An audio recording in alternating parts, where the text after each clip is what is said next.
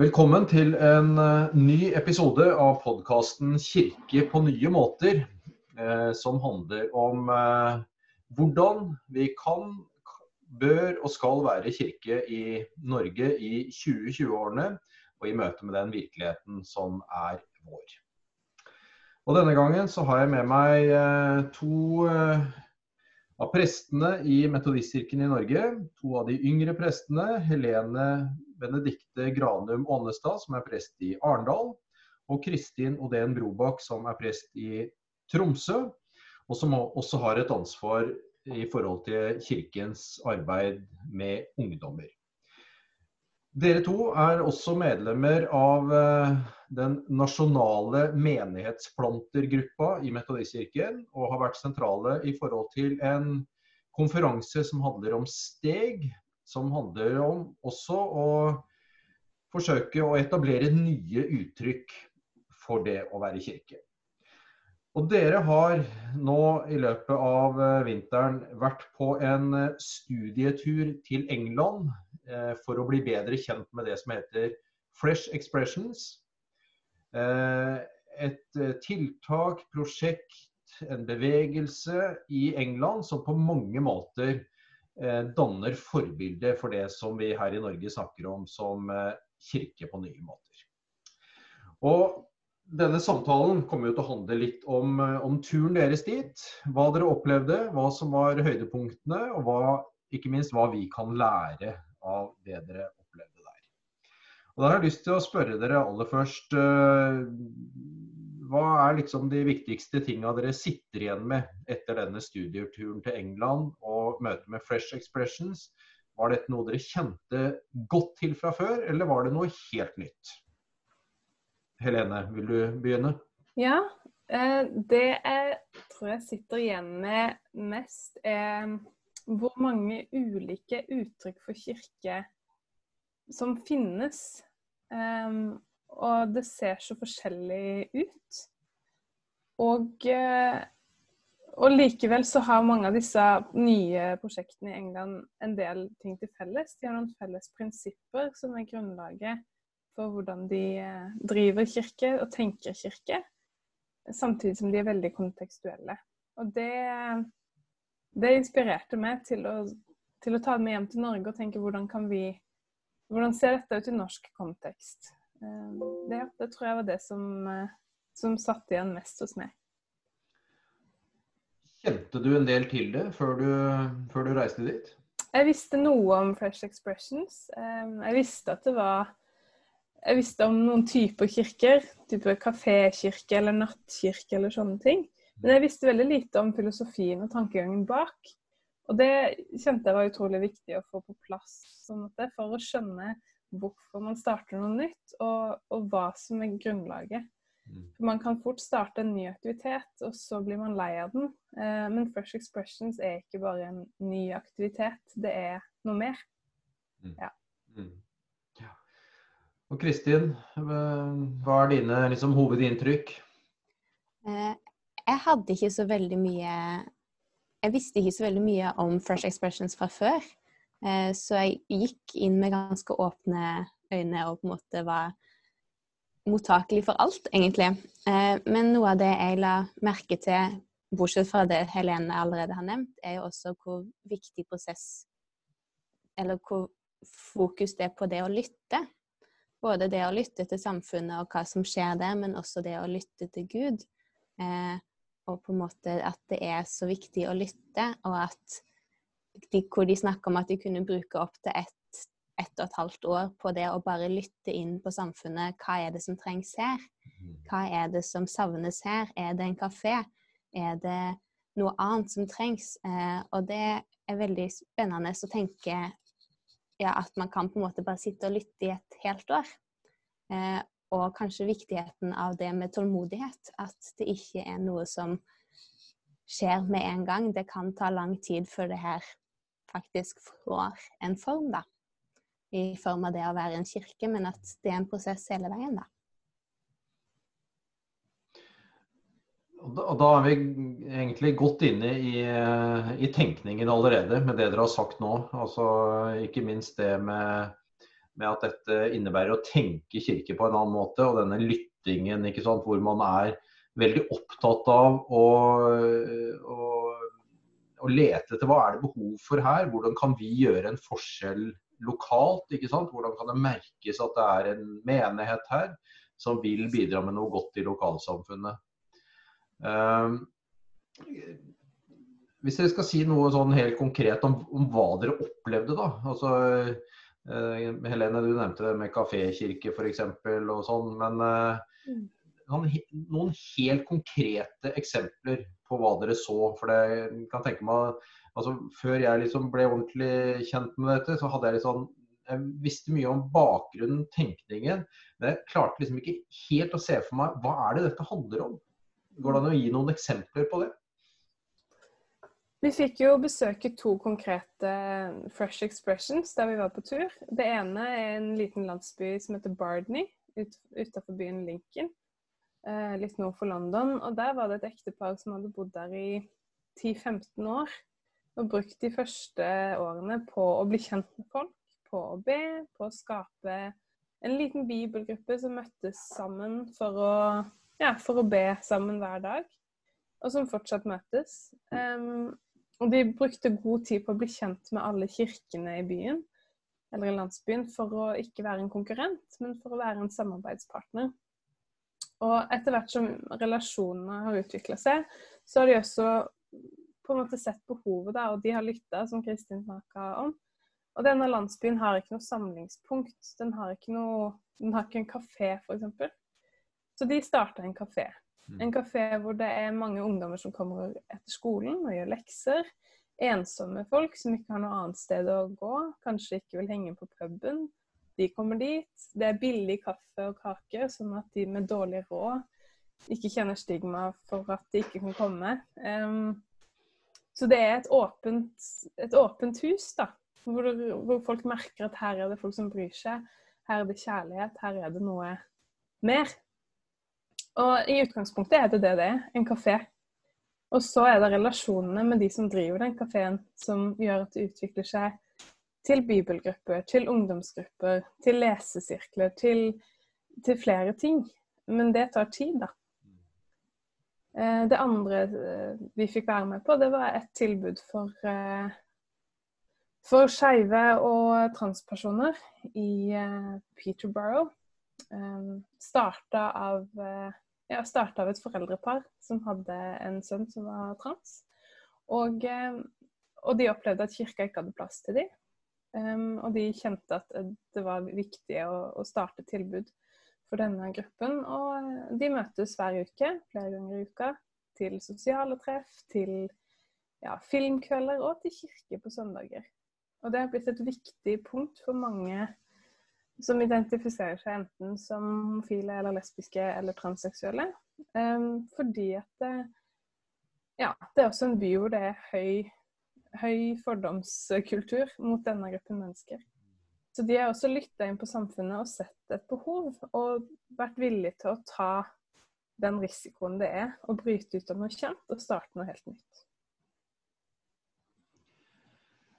Vil det være, Kristin, tror du, noen som sier at uh, ja, dette er vel og bra og fint og alt det der, men, men er det kirke? Hva vil du svare da? Det handler jo om hvordan man definerer kirke. Mm. Hva kirke er. Om det handler om kirkebygg og om det handler om en uh, tradisjonell gudstjeneste som vi er vant med, eller om det handler om at folk samler seg og er sammen med Gud. Um, og det er jo Altså, det står jo at der to og tre er samla, er jeg midt iblant dere. Uh, og det er jo noe med det at det, man har tatt det konseptet og bare fortsatt å bygge på det. At det handler om at vi er samla.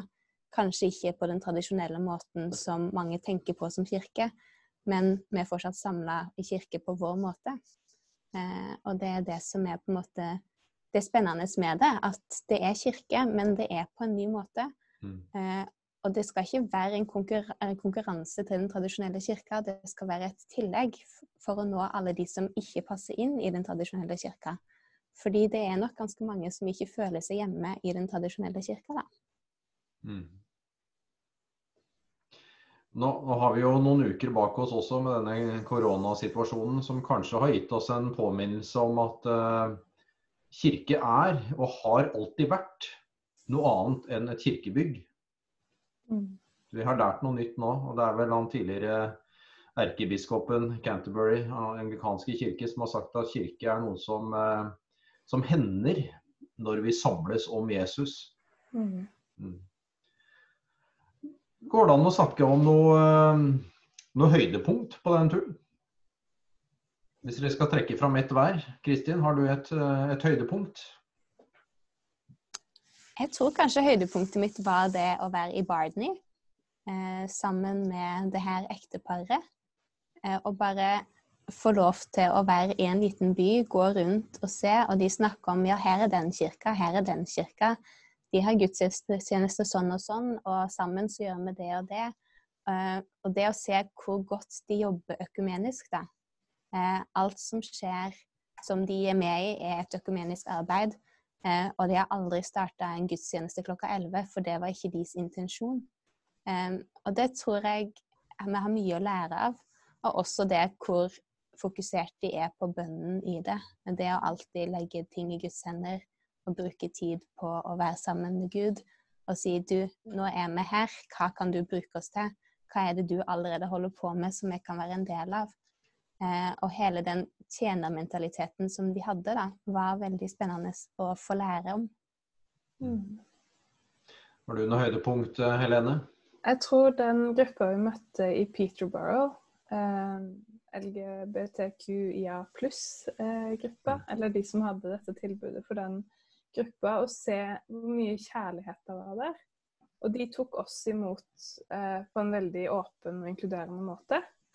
Eh, og samtidig så merka vi jo at her var det mye, mange mennesker med mange sår, da. Mye vondt, og, og de var redde for å bli avvist, på en måte. Um, og så blei de så takknemlige over at det fantes noen som var villige til å akseptere dem for den de var. da. Og, og det er jo Altså, Jesus er jo der òg, kjente jeg veldig på. At her er det Her går man ut og gjør det han gjorde. Og henger med de som er utafor i samfunnet på mange måter. Og um, hvor avslappende Altså hvor avslappa det var. Og, og, samtidig hvor fort han kom på dypet med folk. Det gjorde inntrykk på meg, da. At det å etablere et trygt fellesskap for de som ikke har noe, det gjør en veldig stor forskjell for folk. Mm. Mm så er det jo tross alt da, eh, en lang vei, eh, kanskje, eh, fra England og til Tromsø og Arendal. Og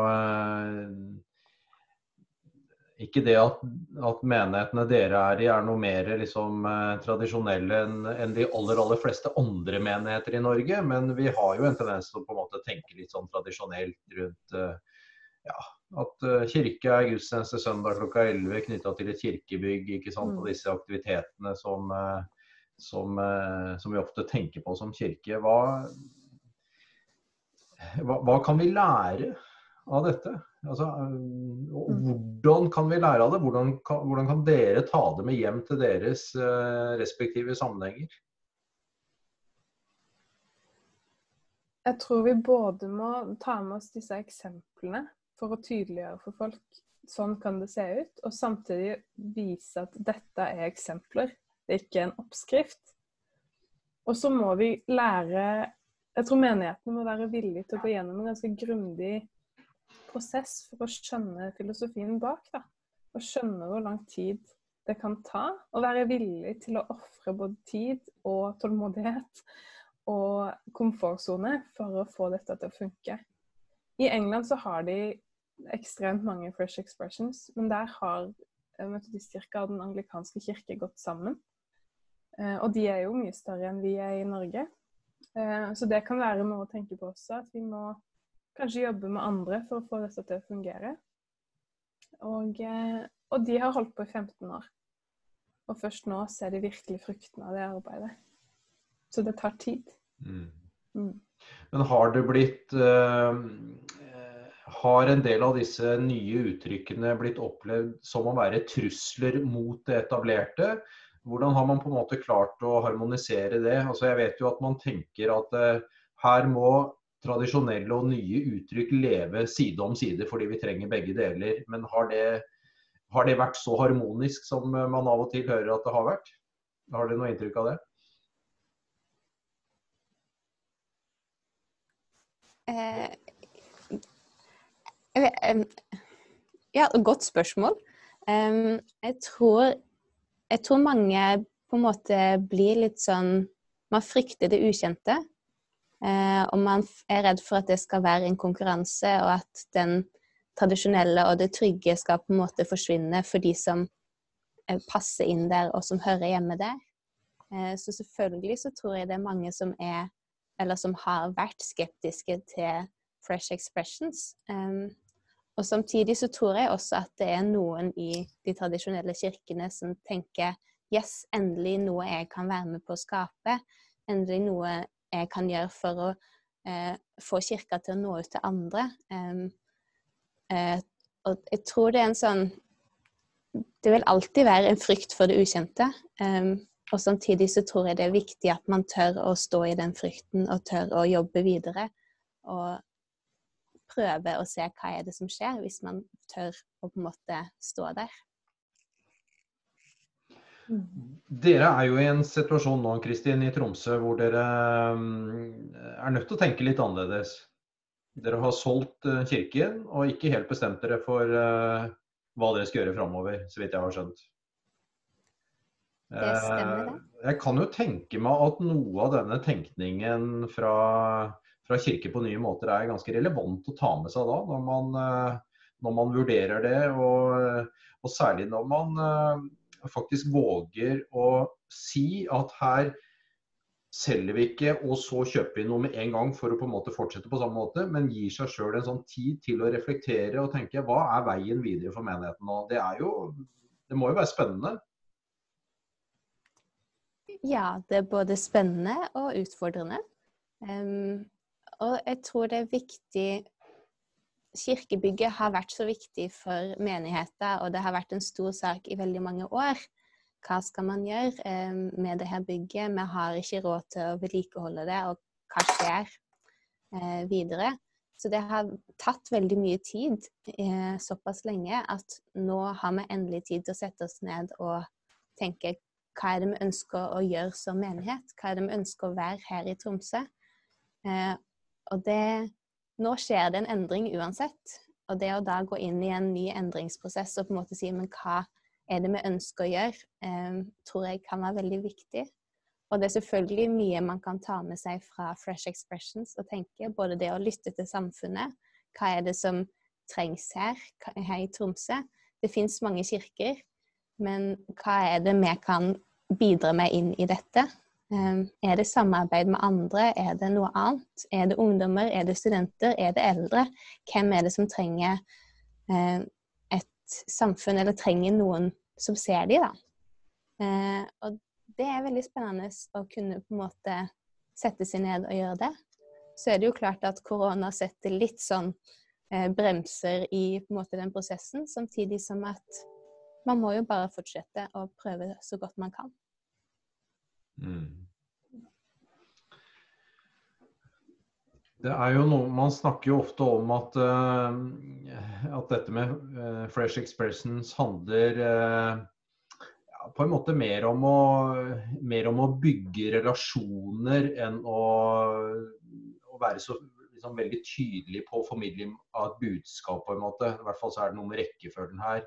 Og Det handler definitivt mer om å om å bygge relasjoner til folk enn å, å, å, på en måte møte folk der de er, enn å få mennesker inn i kirken osv. Så, videre. så det er jo en, eh, en litt annen pedagogikk eh, som ligger i den tenkninga, egentlig. altså. Eh, eh, og jeg tenker jo at For Metodistkirken, for så vidt som de fleste andre kirker i Norge, så, eh, så må, vi, må, vi, snu noen tankeganger. Eh, for vi har liksom knytta mye av virksomheten vår til til det å få folk til kirken, eh, presentere et budskap som folk på en måte skal gi en respons på. Men det dere forteller om fra England, handler jo om, eh, handler om en helt annen måte å være i, eh, i dialog med og i relasjon med folk på. da. Mm. Er, vi, er vi rede til det? Klarer vi det? Det er også et veldig godt spørsmål.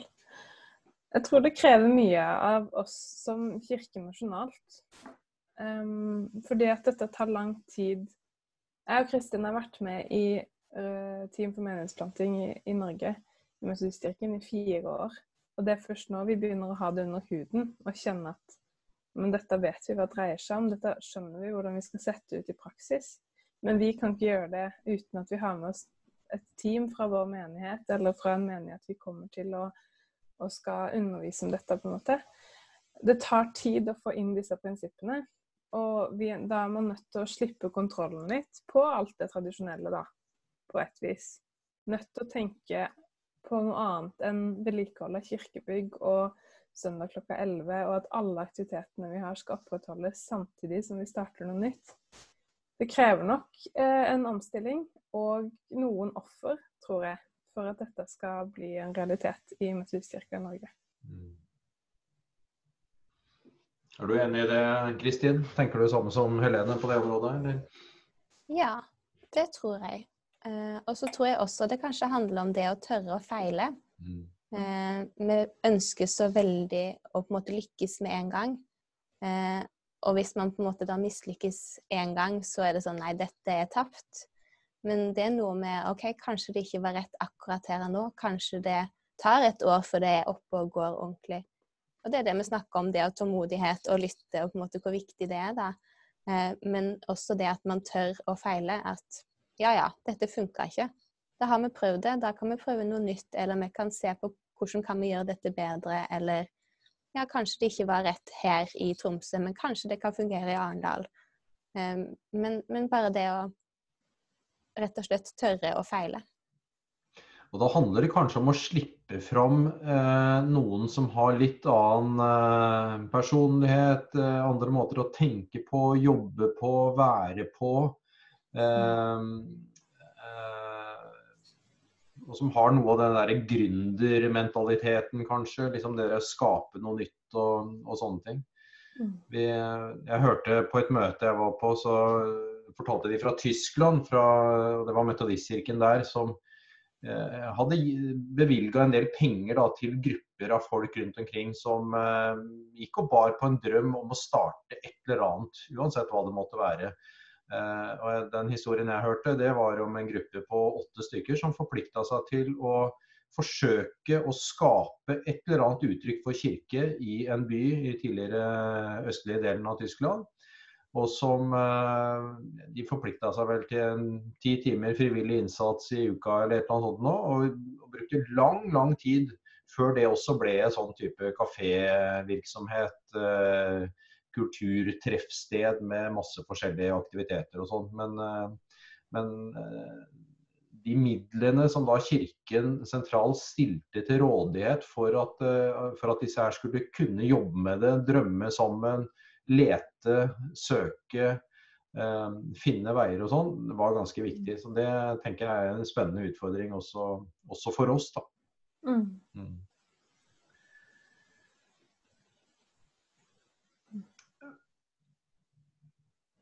Hva, hva, er eh, jeg, jeg, hører dere sier at dette er eh, Selv om dette er England, og eh, England ikke er det samme som Norge, så er det, så er det ikke så fjernt. Mm.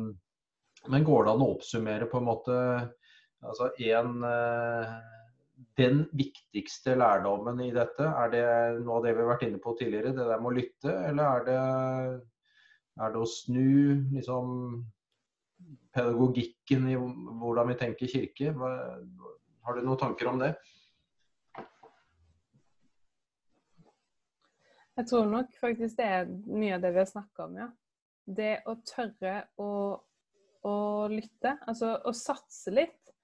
Og da satse også ved å bruke tid i bønn med andre for å lytte sammen etter hva hvor Gud vil. For Gud virker jo i verden selv om vi står stille.